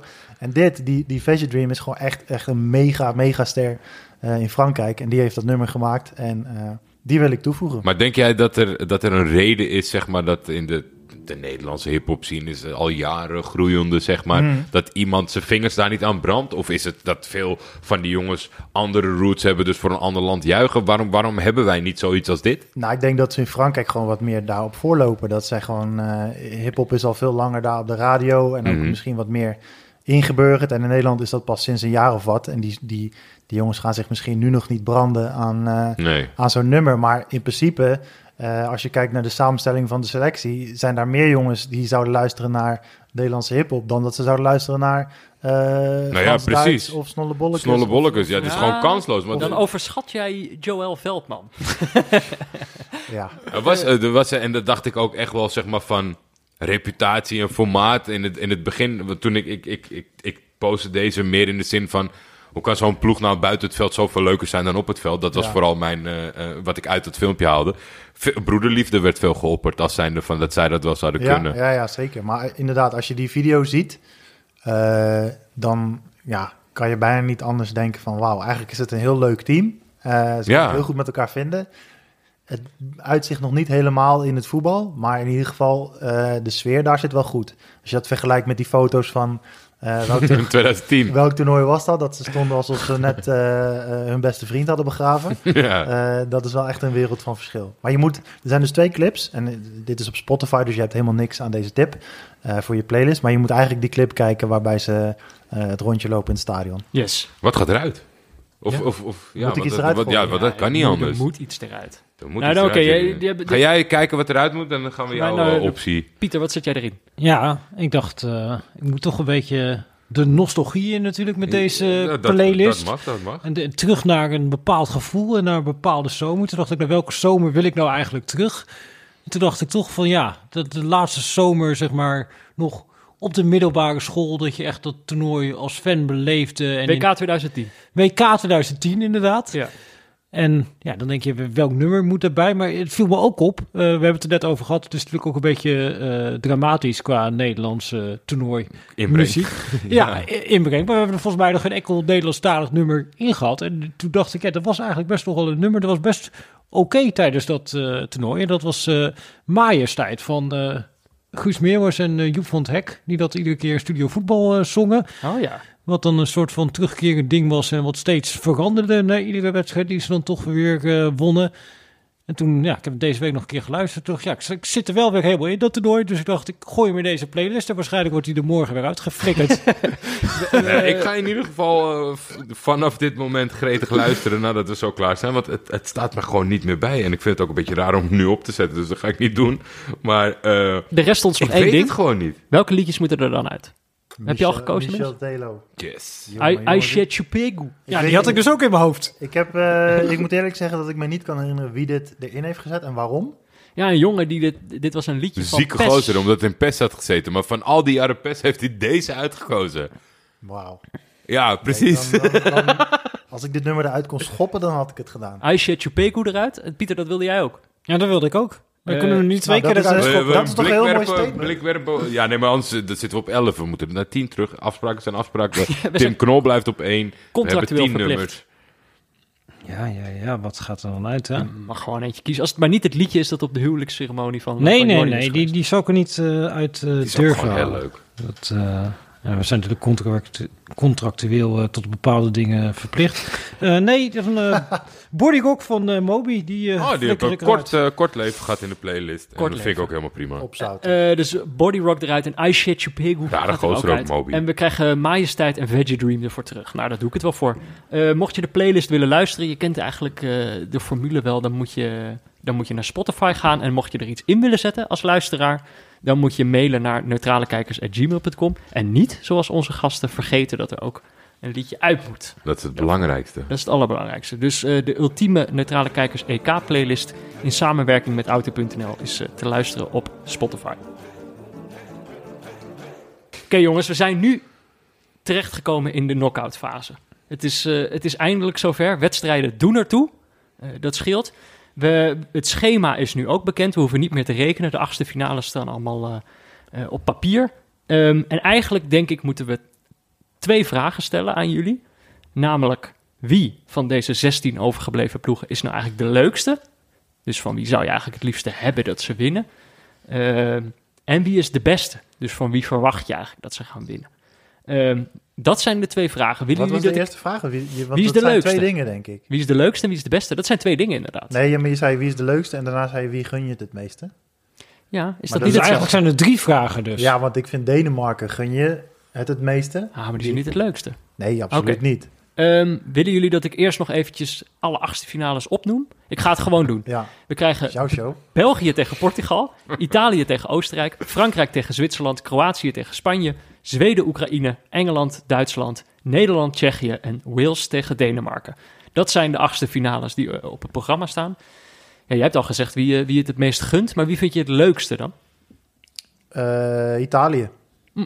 Italië Lekker mij- origineel. Ja, sorry, maar dat, is, dat vind ik, dat vind ik Jezus, het leukste Peter. team. Hij moet ook nog een keer terugkomen. Ja, dat is Oké, sorry.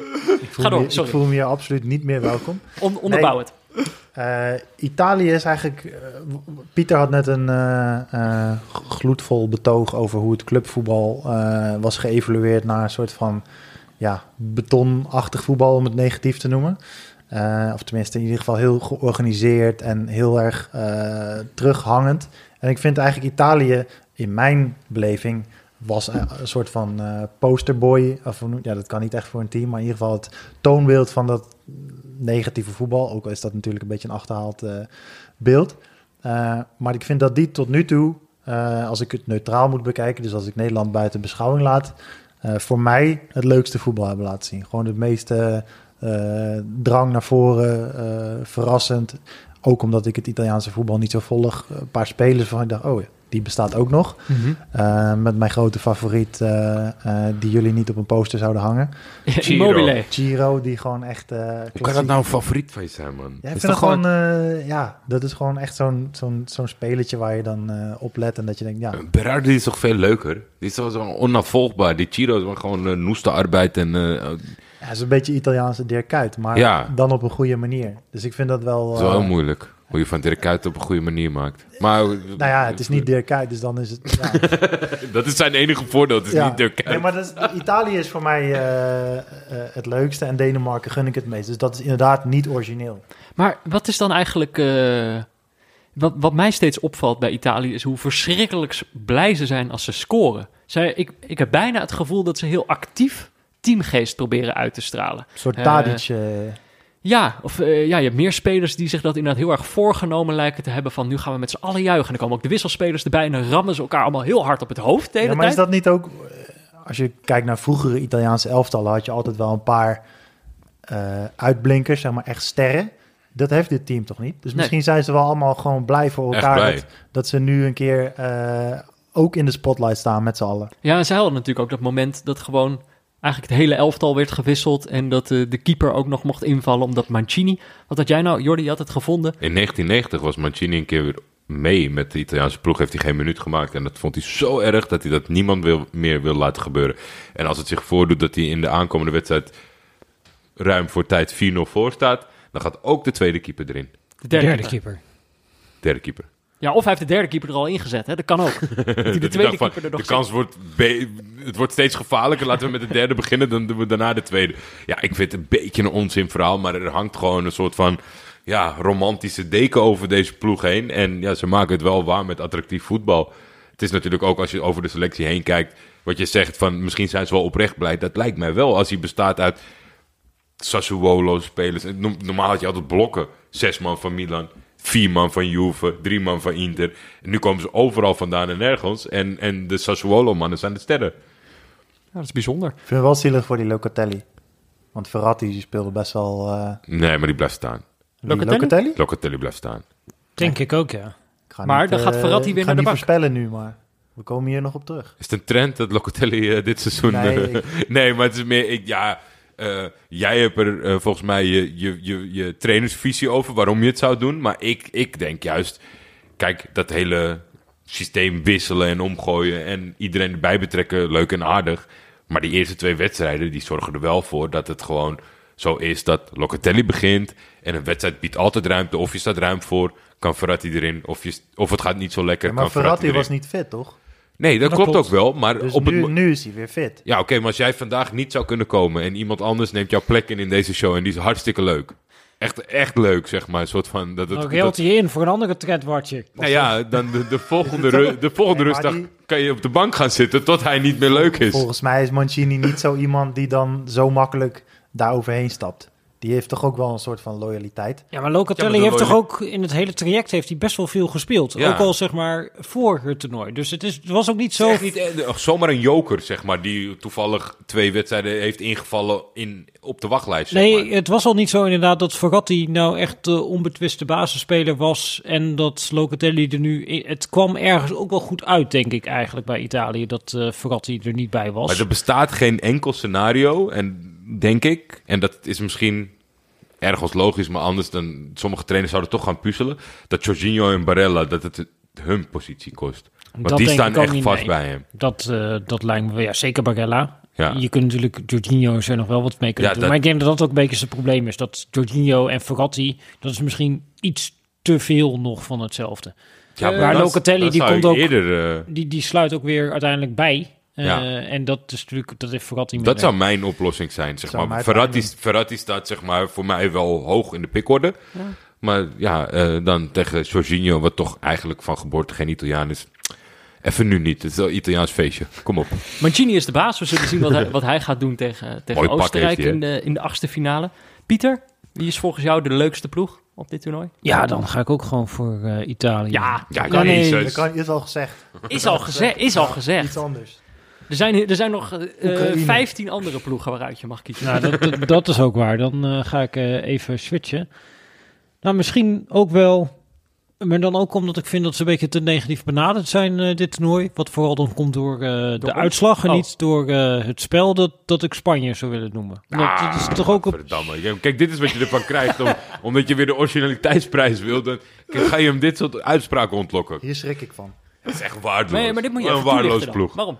Nou ja, Spanje is natuurlijk wel ook een ploeg die probeert te voetballen, dominant eh, te spelen. Zeker bij balverlies vind ik het heel goed. Dus vind ik het echt niveau Italië, zeg maar, qua dat ze meteen weer druk zetten, goed staan om die bal te veroveren. Ze zetten middenvelden, zetten ze rechtsback. Op linksback staat ook iemand die eigenlijk eh, linksbuiten staat. Spelen verzorgd voetbal, komen tot veel kansen. Dan mist Moratas. Hè. Als Morata die er allemaal in had geschoten, hadden we nu met z'n allen gezegd, Spanje.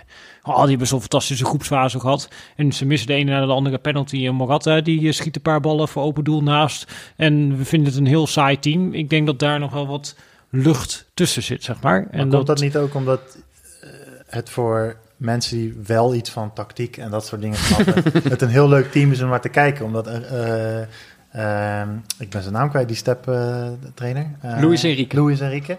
De Eh, kon even met zijn cargo pants. Eh, dat hij volgens mij heel veel dingen wil proberen om het zeg maar, Ja. echt naar zijn hand te zetten. En uiteindelijk eh, spelen ze nog steeds heel Spaans, eh, in mijn beleving.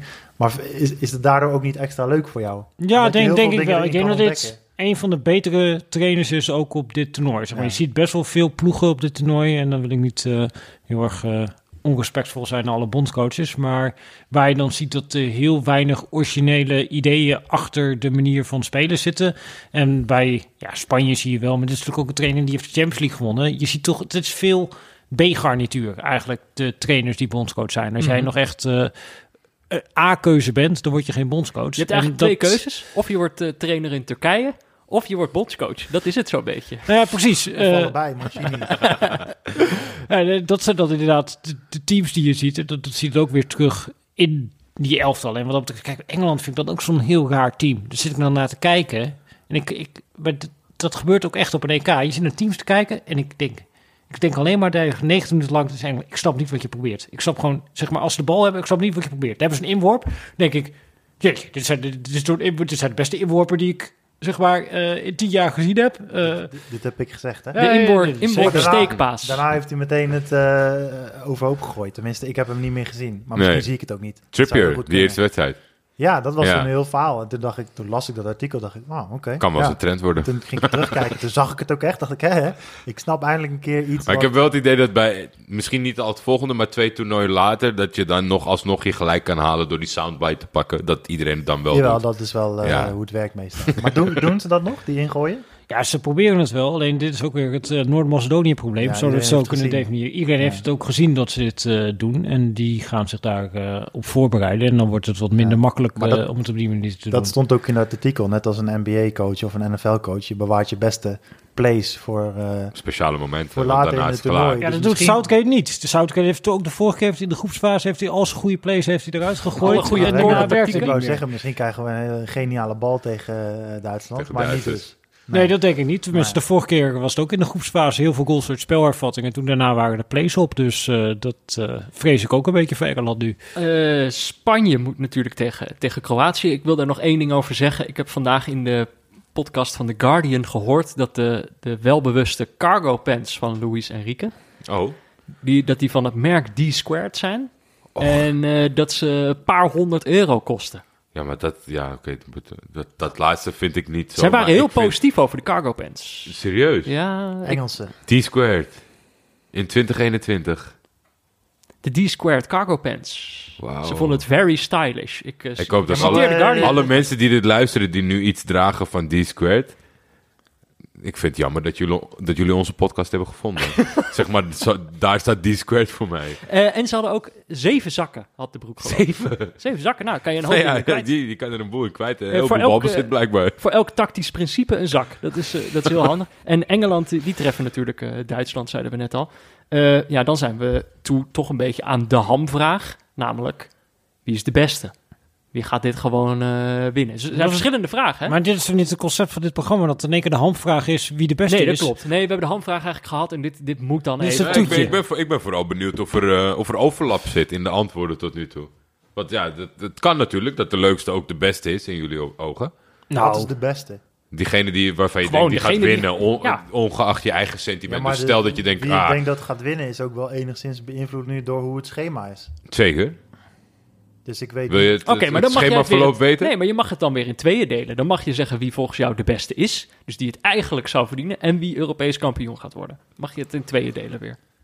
Bijvoorbeeld, aan, aan, op, eh, of tenminste bij aanvang van dit toernooi, zei iedereen, nou, het wordt niet leuk, maar Frankrijk wint hem. Ja. Toen kwam mensen, maar zeg maar, die, naar die zijn we op zoek, waarvan je denkt, doe, of tenminste, ja, maar ik misschien. ben niet veranderd van... Ik denk nog steeds dat Frankrijk de beste is. Ja? En dat hij ook gaat winnen. Oké. Ja. Waarom begin je dan over het schema? Nou, Zij omdat- zitten toch aan de moeilijke kant. Ja, dat klopt. Maar daardoor weet ik niet, niet meer zo zeker dat ze het gaan winnen. Ze moeten wel een aantal flinke... eh, En we zijn weinig luisteraars die nu nog hun hypotheek erop gaan zetten op wat jij uitspreekt. Dus wat dat betreft, nee, ja, dat klopt. je hoeft je Dat niet zou- in te dekken. dat- Maar als jij nog steeds... doen. Maar ik kom sowieso sterker terug, hè. Dit is, ik ga nu niet al mijn kruid verschieten. Ik heb, ik heb elke keer een avond om na te denken over mijn voorspellingen. Nee, maar Frankrijk heeft gewoon... Op welke plek hebben zij niet het beste team? En zijn ze al een keer echt door de man Linksback. gevallen? Linksback. Die zijn allemaal op, geloof ik. de linksbacks zijn op. Ik weet niet Nee, maar ik heb, ik heb wel een beetje, zeg maar, dat ik bij, bij Frankrijk verkijk ik me soms op wat er beschikbaar is en waar ze voor kiezen.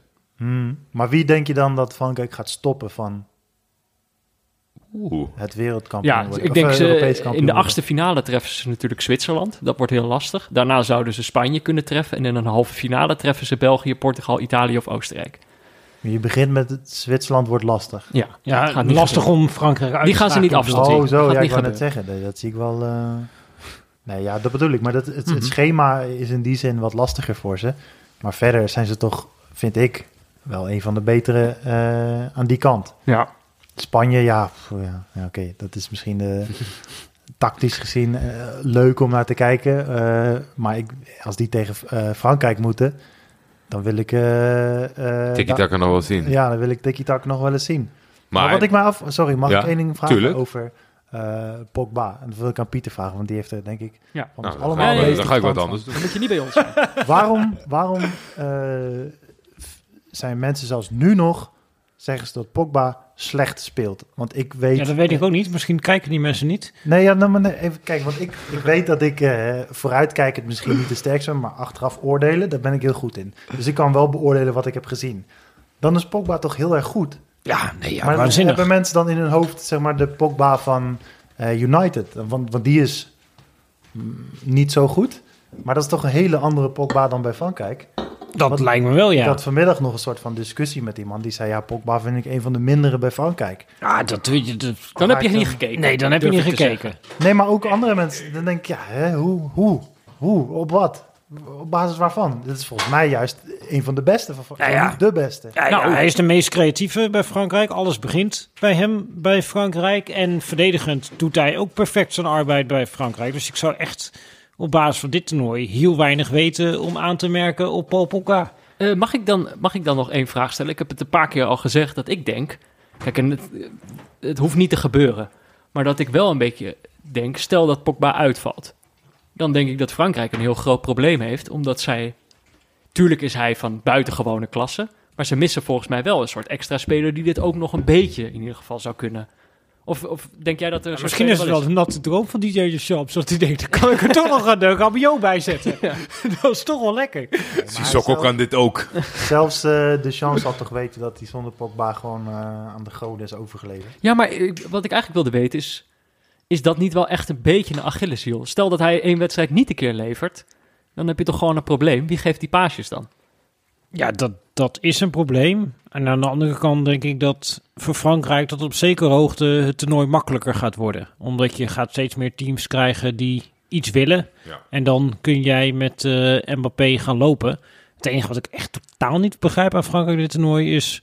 Zeg maar, hij heeft zijn totale eh, concept waarmee hij iedere keer succesvol is geweest. En waarom die maar zo volhardend is met Mbappé aan die linkerkant. Terwijl Karim Benzema, die heeft zeg maar zijn hele carrière ook gemaakt op het uitwijken naar die linkerkant. En gegeven de hele kwaliteiten van die selectie, zou je zeggen. Want hij gaat nu ook uiteindelijk terug naar zijn 4-2-3-1 met Tolisso. En dan denk je, oké, die gaat hij op links zetten. Nee, die zet hij dan op rechts. Terwijl je daar op rechts ook niet echt de back hebt die er overheen komt. De- de- daar, daar kan ik hem echt niet volgen waarom hij dat doet. De enige reden die ik ervoor kan bedenken is dat Mbappé zelf zegt... ik wil eigenlijk op links spelen. En dat hij daarom hem maar op links zet. Ook al is dat misschien niet het beste voor het elftal. Maar dat, dat vind ik echt nog een onlogisch ding bij Frankrijk. En ik zou hem misschien ook veel meer gaan uitspelen...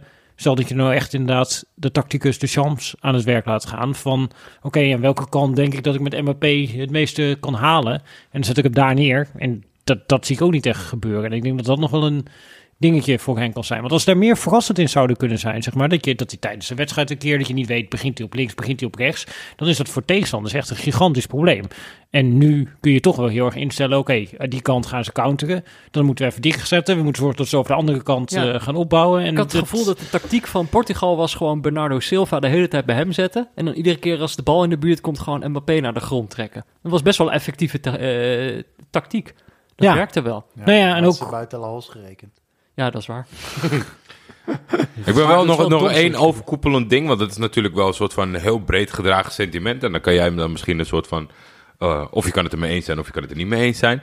Eh, de onderbuikvoetbalkijkers, die vinden Deschamps toch wel een soort van vervelende en niet zo hele goede coach. En die eigenlijk niet, misschien niet eruit haalt wat er, wat er Nou, ik denk potentieel dat in je zit. de chance is een van de trainers op dit toernooi die de neutrale kijker haat, durf ik wel te zeggen. Ja, zo zeg maar. maar Dat, dat denk ik wel, ja. Maar ik denk ook dat hij een van de betere trainers is op dit toernooi. Die, die Wel zit ik inhoudelijk ook, goed. Ja, zit ik er heel dubbel in. En ik heb hem ook een beetje, weet je, dan ga je op een gegeven moment verdiepen in zijn carrière als speler, als trainer. En ik heb er ook een stuk over geschreven. Dat ja, eigenlijk iedere ploeg waarin hij heeft gezeten, als je nou gaat tellen, kun je gewoon erop neerkomen van... En dat heeft hij in Italië natuurlijk meegekregen. Van je hebt drie sterren en we zorgen ervoor dat die drie sterren, dat die totaal ontlast worden door zeven gasten die die doen alles vrij. al het vuile werk Ja. doen. Eh, en zo kijkt hij naar voetbal en zo kijkt hij naar spelers. En ieder team wat hij gecoacht heeft, kun je gewoon tellen. Want nu, ja, ook dit toernooi is hij een paar keer van systeem geswitcht. Maar dat principe van, ik heb drie spelers die aanvallen en de rest die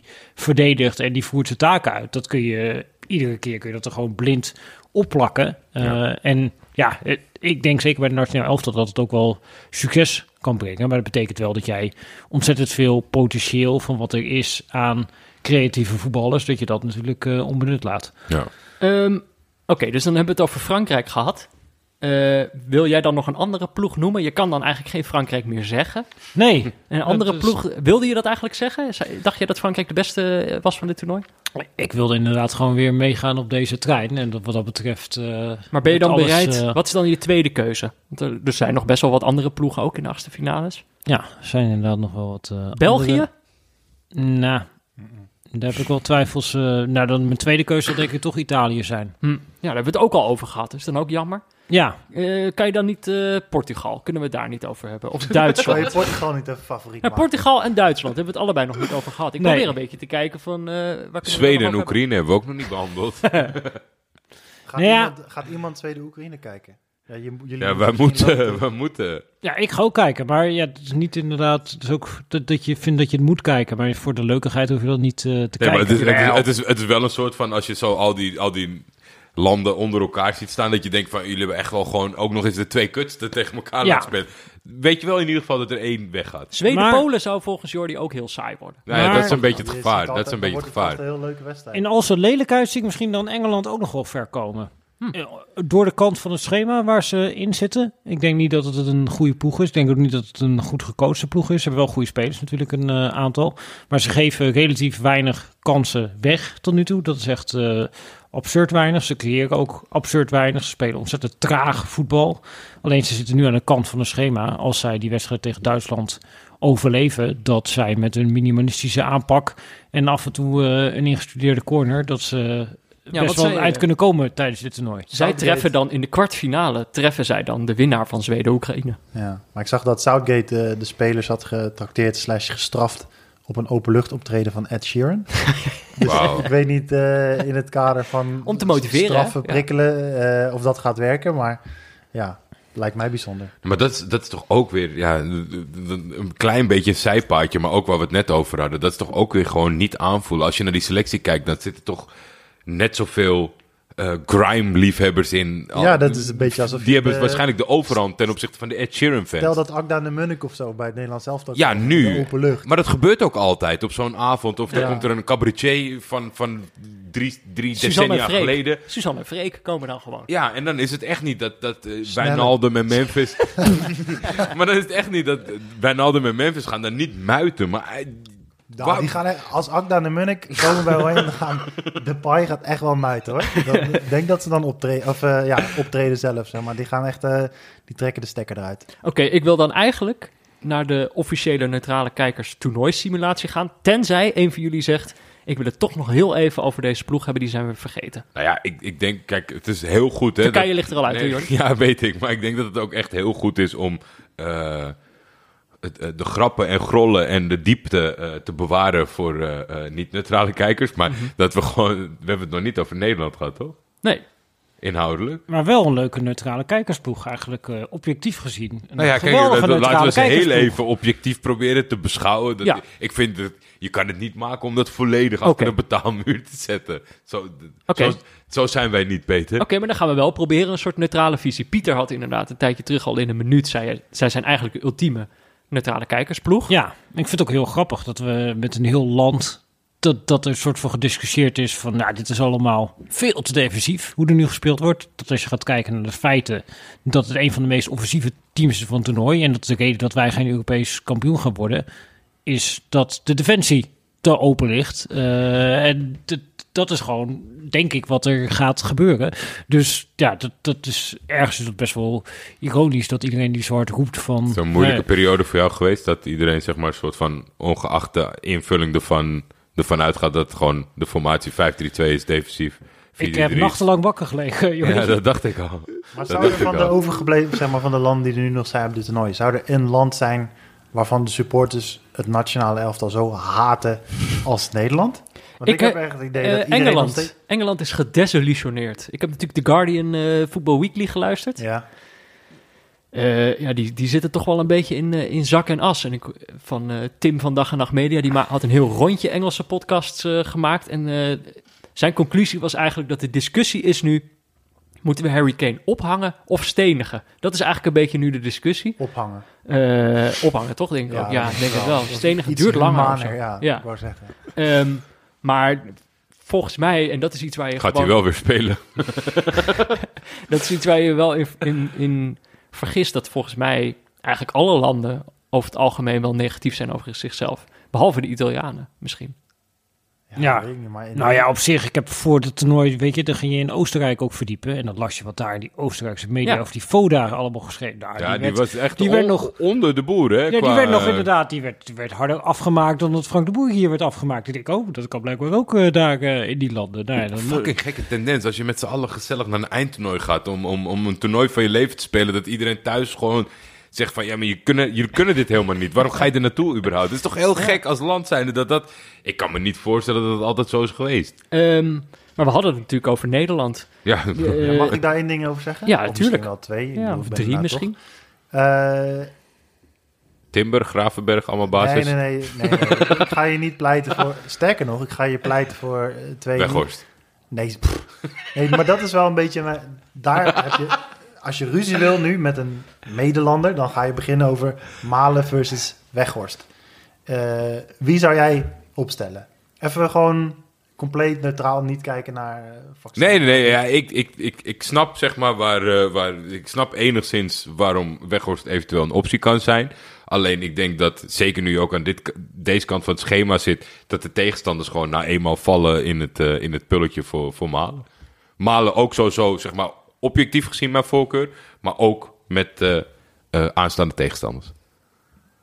Pieter? Ja, ik ben erg eigenlijk eh, in het eh, Frank de Boerkamp in deze. Dat je per wedstrijd, per tegenstander een beetje moet gaan kijken naar waar vraagt het om. En ik denk dat je tegen bepaalde tegenstanders, dat het best wel lekker kan zijn om te beginnen met Weghorst en dan Malen te brengen vanaf de bank. Maar dus eh, Tsjechië, beginnen met Weghorst. nee, Tsjechië Oh. beginnen met eh, Malen. Ik heb eh, twee dagen Tsjechië gekeken en ik kan niets anders... eh, Twee dagen ik kan niets anders concluderen dan dat je met Malen moet beginnen. Ik denk als neutrale kijker kan je niet anders zeggen dan dat je Malen gewoon erin moet zetten. Dat is gewoon, super, dat is gewoon de meest spectaculaire speler van die twee. Eh, die doet gewoon de leukste dingen. Eh, Ja, terwijl je zou ook kunnen zeggen, je zou best een pleidooi kunnen houden dat Wout Weghorst de ultieme neutrale kijkerspeler is. nou, Juist omdat hij, Doe het maar, Pieter. nou, omdat, omdat Wout Weghorst hoop biedt dat jij ook in de spits bij Nederland zelf Nee, wel daar had hebben we kunnen de. Ronald voor. Ja, maar ook Wout Weghorst. Wout Ja. Weghorst die kwam op zijn eerste training bij FCM. Ik heb nog met eh, Joop Gal daar recent een keer over gebeld. En die zei over Wout Weghorst eerste training. Nou ja, we hebben het gezien. Alle ballen schoten van zijn voet. En toen heel belrondje gemaakt over hele carrière van Weghorst. Dan bel je de eerste trainer bij Heracles Almelo. John Stegeman, ja, had hij een proeftraining. Nou, we dachten, dit, dit wordt helemaal niks. En AZ, eh, iedere, iedere stap die hij vervolgens ging zetten... Iedere trainer die in binnen zag komen, die dacht, nou... Ja, die heeft het niet. En vervolgens kwam die erin en ging die doelpunten maken en ging die werken en heeft hij uiteindelijk zijn plaats afgedwongen in dat elftal. En, en dat is het teken dat iedereen die naar deze podcast luistert en gewoon jonger is dan 20, ga naar je plaatselijke amateurveld. Ja. Meld je aan voor een training. en Iedereen die ziet, jaar. ja, dat is iedereen die ook, ziet eh, die bal schiet van je voet en die denkt, ja, maar dat was bij Weghorst ook zo. We halen hem erbij. Maar dat is de kern van de discussie. Je hebt mensen die eh, geen verstand hebben van voetbal, of in ieder geval niet ernaar kijken zoals jij dat doet, dat je wat dieper kijkt naar, oké, kan die...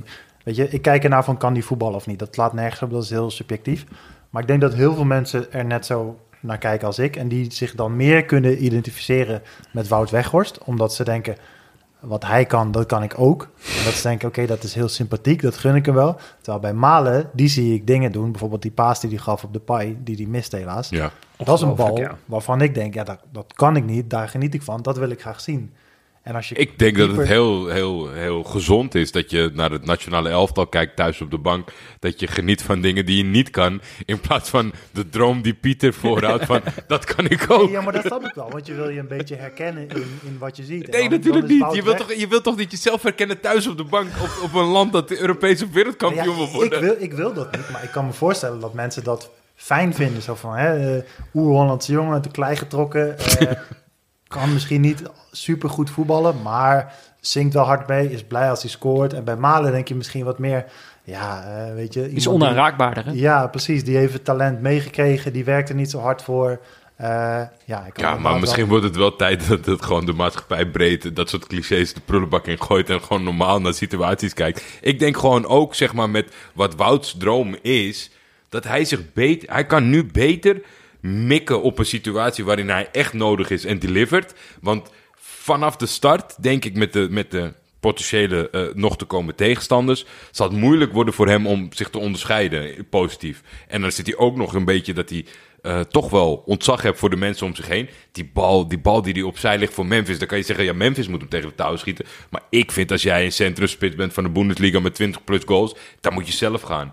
Ik vind echt, dan moet je zelf gaan. Dit Kan je, omdenken, ja. kan je, kan je precies, eh, kan je het hartstikke sympathiek vinden, maar die moet hij gewoon zelf peren. Dus ik, het wordt voor hem gewoon heel moeilijk. En je gaat natuurlijk in nu een fase in dat je misschien zo meteen tegen de Denen wat nodig hebt. En hij komt erin en hij maakt hem. En dan ben je in één keer de nationale held. En dan snoei je ook iedereen de mond. Want dan valt er ook voor mensen die hem niet zien zitten, valt er weinig tegen in te brengen. Want een held is een held op het voetbalveld. Maar het is begint... hij wel bang eh, voor Memphis, legt hij hem daarom af.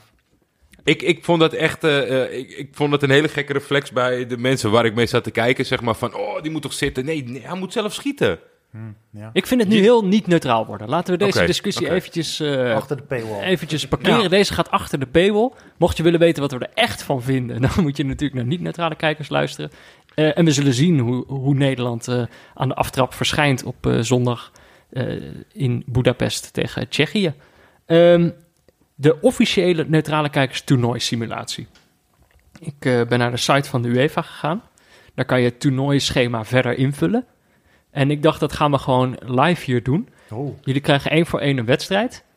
Je, moet, je mag niet te lang nadenken. Je moet gewoon volledig op je gut feeling antwoorden. ik weet En nou dan gaan we de ik- hele bracket gaan we, gaan we afmaken. De hele, de hele toernooiboom. Maar dit voorspelt voor jou. Nee, Nee, jij moet zeggen. Jij moet gewoon een uitslag noemen en dan vult eh, Peter die uitslag België, in. Portugal. Ja, moet ik nu alweer voorspellen? Je Nee, maar je Ja, moet gewoon... Wie wint? Wie Wij wint? doen mee. Wij Je, doen, je wij mag doen er mee. niet te lang over Je nadenken. moet op je gut. België, Portugal. België. Oh, verrassing. Eh, Pieter, Italië, Oostenrijk. Italië.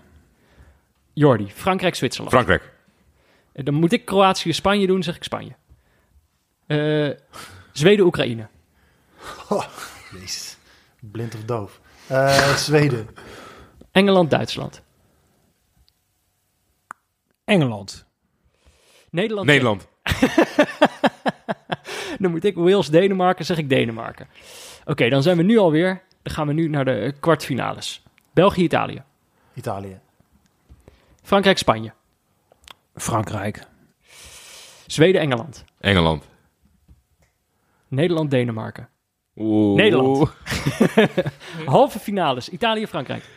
Frankrijk. Pieter, Engeland, Nederland. Engeland. Dan hebben we een finale, jongens. 11 juli. Frankrijk, Engeland. Engeland. Jongen. Nou, it's coming home. It's coming home. Zielig, man. De officiële neutrale kijkers toernooisimulatie heeft gezegd... eh, it's coming home. Engeland wint de finale Wie gooit er nou Nederland eruit? Pieter, hè? Ja. Ja, dat kan ook alleen maar Pieter. Omdat je niet met je hart in het voetbal staat. Alleen maar, alleen maar nadenken over... Godverdomme, anders had ik toch Nederland kampioen kunnen maken. Dit is, eh, het toernooi vliegt voorbij. Hè? Je Ja, maar het. misschien in de niet-neutrale kijkers dat we dan Nederland kampioen Nog een kunnen keer maken. doen en dan omdraaien. Ik weet niet of ik hem nog een keer kan invullen. Dit is het. Dit, is- dit was het toernooi. We hebben, de, we hebben de finale gespeeld, de knock-out fase. Hij vliegt voorbij. Ging hard, hoor. Eh, ja, de, de, de, club, de landen werden uitgeschakeld waar je, waar je bij zat. Ehm, Die laptop van je stijgt ook op nu. Het is een hele zware simulator. Ja, ik zei van tevoren al, deze laptop heeft als enige doel om mijn eh, leven te verpesten. Ja. En het lukt heel aardig. Ehm, Het zou wel magisch zijn als deze eh, op niets, op niets gestoelde uit- voorspellingen uit zouden komen. ja, dat, nou, dat, dat zullen we op 11 juli toch eventjes gaan checken of we het allemaal gewoon... Nu al doodziek van die halve finale. We weten het al veel eerder. Ehm, wij gaan onze, onze niet-neutrale meningen gaan we natuurlijk eh, bewaren voor eh, niet-neutrale kijkers. Eh, maar ja, nu zit deze voorbeschouwing op de knock-out fase erop. Neutrale Kijkers is mede mogelijk gemaakt door Dag en Nacht Media. De hoofdsponsor op de borst is Auto.nl. De muziek is Tachanka van Leon Lischner en Friends. En een adaptatie daarvan van Studio Cloak. De artworks zijn het werk van Barry Pirovano. Vandaag een hele mooie, Jordi. Wij zijn eh, in scheidsrechterstenu. Alle tenues passeren de revue. Eh, onze notenpartner is natuurlijk Sebel, de beste notenbar van Amsterdam. Je kan daar de speciale niet zo neutrale kijkersborrelmix krijgen om op eh, te knabbelen tijdens eh, de rustdagen. Wil je meepraten? Dat kan. Je kan ons volgen op Twitter via buurtvader of @defef. Je kan ons mailen op neutralekijkers.gmail.com of je kan natuurlijk een berichtje sturen via vriendvandeshow.nl slash neutrale kijkers. Daarover gesproken, Jordi. Hebben we nog nieuwe vrienden? Of eh, hebben onze vrienden ook een rustdag genomen? Eh, ik denk dat we wel nieuwe vrienden hebben, maar ik zou er... eh, Oh, je hebt je laptop niet. eh, Nee, ja, het is best wel, best wel lastig. Oké, dus ik, ga ze, ik ga ze morgen dubbel en dwars bedanken. Want ook de Sebon, wat was het? Notenkraker, Ja. hersenkraker. Die is een paar keer goed geraden. Dus daar, daar komen we morgen op terug. Ja, nee, wat dat Als we meer ruimte op tafel hebben, zodat ik ook een laptop kan hebben. Is goed. Dan, dan komen we er dan op terug. Tot morgen dan. Tot morgen en, En, eh, bedankt aan de bezoekers. En onze vrienden die nemen we mee. Tot zo. Naar de fanzone in Budapest.